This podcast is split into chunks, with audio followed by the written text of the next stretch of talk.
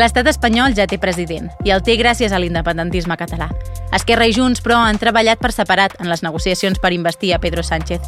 Una mostra més de la distància i la fricció que ha anat en augment entre aquests dos espais polítics des de 2017. Ara que ha passat la investidura, analitzem el futur de les relacions polítiques a Catalunya amb el politòleg Marc Sant Jaume. Jo sóc la Laura Tapioles i avui el temporitzador l'independentisme després de la investidura. En 7 minuts. 3, 2, 1...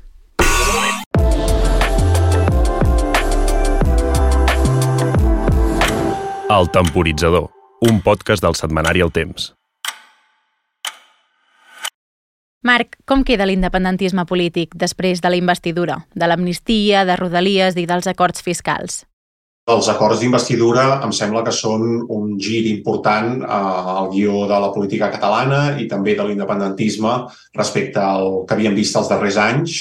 Eh, per primera vegada, doncs, des del, des del 2017, eh, els dos grans partits independentistes adopten una posició similar, una posició estratègica centrada doncs, en, en cercar l'acord i en explorar la, la via acordada i ho fan negociant, negociant per separat, amb, amb dues taules de negociació diferenciades, però penso que la notícia doncs, més important és sobretot el gir estratègic de, de Junts, eh, que ha considerat doncs, doncs, necessari o ha considerat oportú apostar per, per aquesta via acordada. Mm -hmm. Parlem en concret de la relació d'Esquerra i Junts, que, com dèiem, han negociat per separat a la investidura amb Pedro Sánchez. Creus que el fet que tots dos hagin votat sí a la seva investidura serà un motiu de suavitzar les relacions o que més aviat generarà fricció o més fricció entre aquests dos partits? Sí, jo penso que és, aquest nou escenari és una oportunitat. Eh, el fet que els dos partits independentistes eh, doncs més, eh, més forts eh, a, a les eleccions catalanes tinguin, un, uh, tinguin una, una mateixa orientació estratègica, doncs això permet, uh, òbviament, explorar un, un nou escenari. No?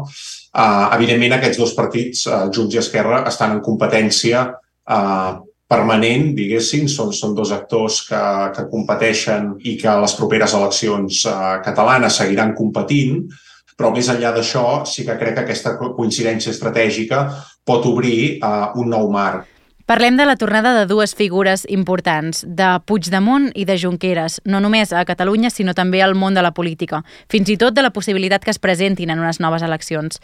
Com creus que això afectarà a la relació entre aquests dos partits? Penso que l'aspecte del, dels lideratges és clau. No? Um, Esquerra Republicana té uh, doncs, uh, un, un lideratge que és la Generalitat de Catalunya, que és la presidència de la Generalitat, amb la figura d'en Pere Aragonès, Uh, però també té en la figura d'Oriol Junqueras doncs, doncs un altre líder uh, que ha estat uh, doncs, uh, governant el partit, uh, liderant el partit uh, doncs ara ja més d'una dècada i que és doncs, una, una de les figures uh, claus del, del, del 2017 i de, de l'estratègia que va seguir l'independentisme en el passat. No?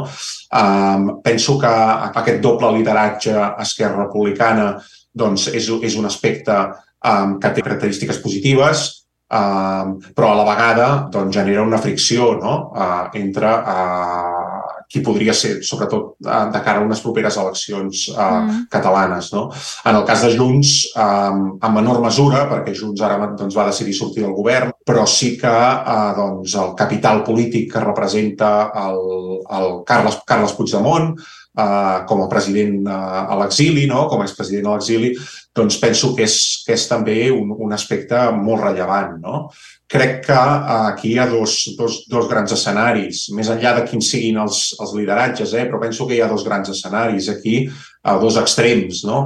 Un extrem seria una confrontació, una nova confrontació en unes eleccions dels líders eh, dels partits del 2017. No? Per tant, un, un revival de la confrontació del 2017 i, d'altra banda, eh, doncs, un escenari completament oposat, potser més en la línia d'explorar aquesta nova, eh, aquest nou cicle de la política catalana, seria doncs, doncs, tot el contrari, no? que en unes properes eleccions doncs, hi hagués eh, una confrontació de nous líders, per exemple, entre l'actual president de la Generalitat i un altre líder eh, de Junts. Mm -hmm. Per tant, Marc, si et demano un judici de valors, escolliries el segon escenari com a escenari més beneficiós, un escenari en què hi ha nous líders polítics, o, per exemple, l'actual líder d'Esquerra Republicana, més que no un escenari en què Junqueras i Puigdemont tornessin a ser els líders de, dels dos espais polítics.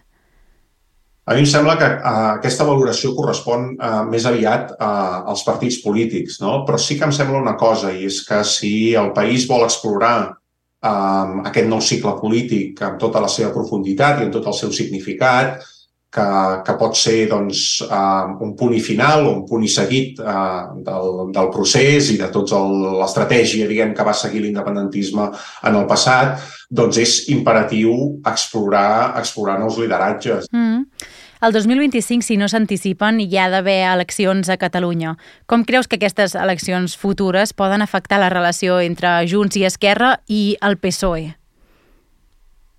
És evident que l'acord eh, d'investidura de Pedro Sánchez ha obert molt més el joc a les aliances electorals. No? La política espanyola és una política, la política catalana també, és una política multinivell. Els partits juguen a, diversos nivells, no? més fins i tot que altres països, no? perquè en el cas eh, espanyol doncs, hi ha eh, la política estatal, la política autonòmica, la política local, etc. No?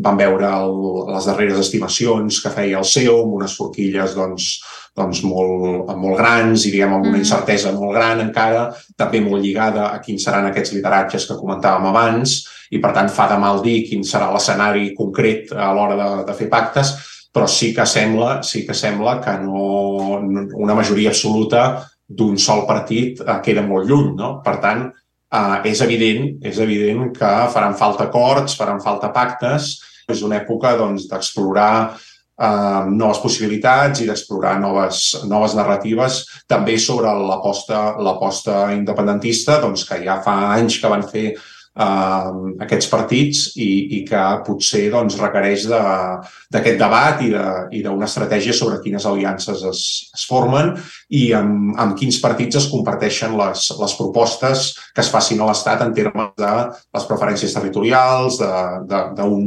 potencial eh, referèndum o d'un potencial acord eh, sobre la qüestió territorial. Marc, això és tot. Moltíssimes gràcies pel teu temps. Molt bé, gràcies. Gràcies a vosaltres. El Temporitzador és un podcast del setmanari El Temps. La realització és d'Idea Sonora, la direcció d'art de Laura Xifra i la veu profunda de l'entradeta de Jan Brugueres. Jo sóc la Laura Tapioles i ens veiem la setmana que ve.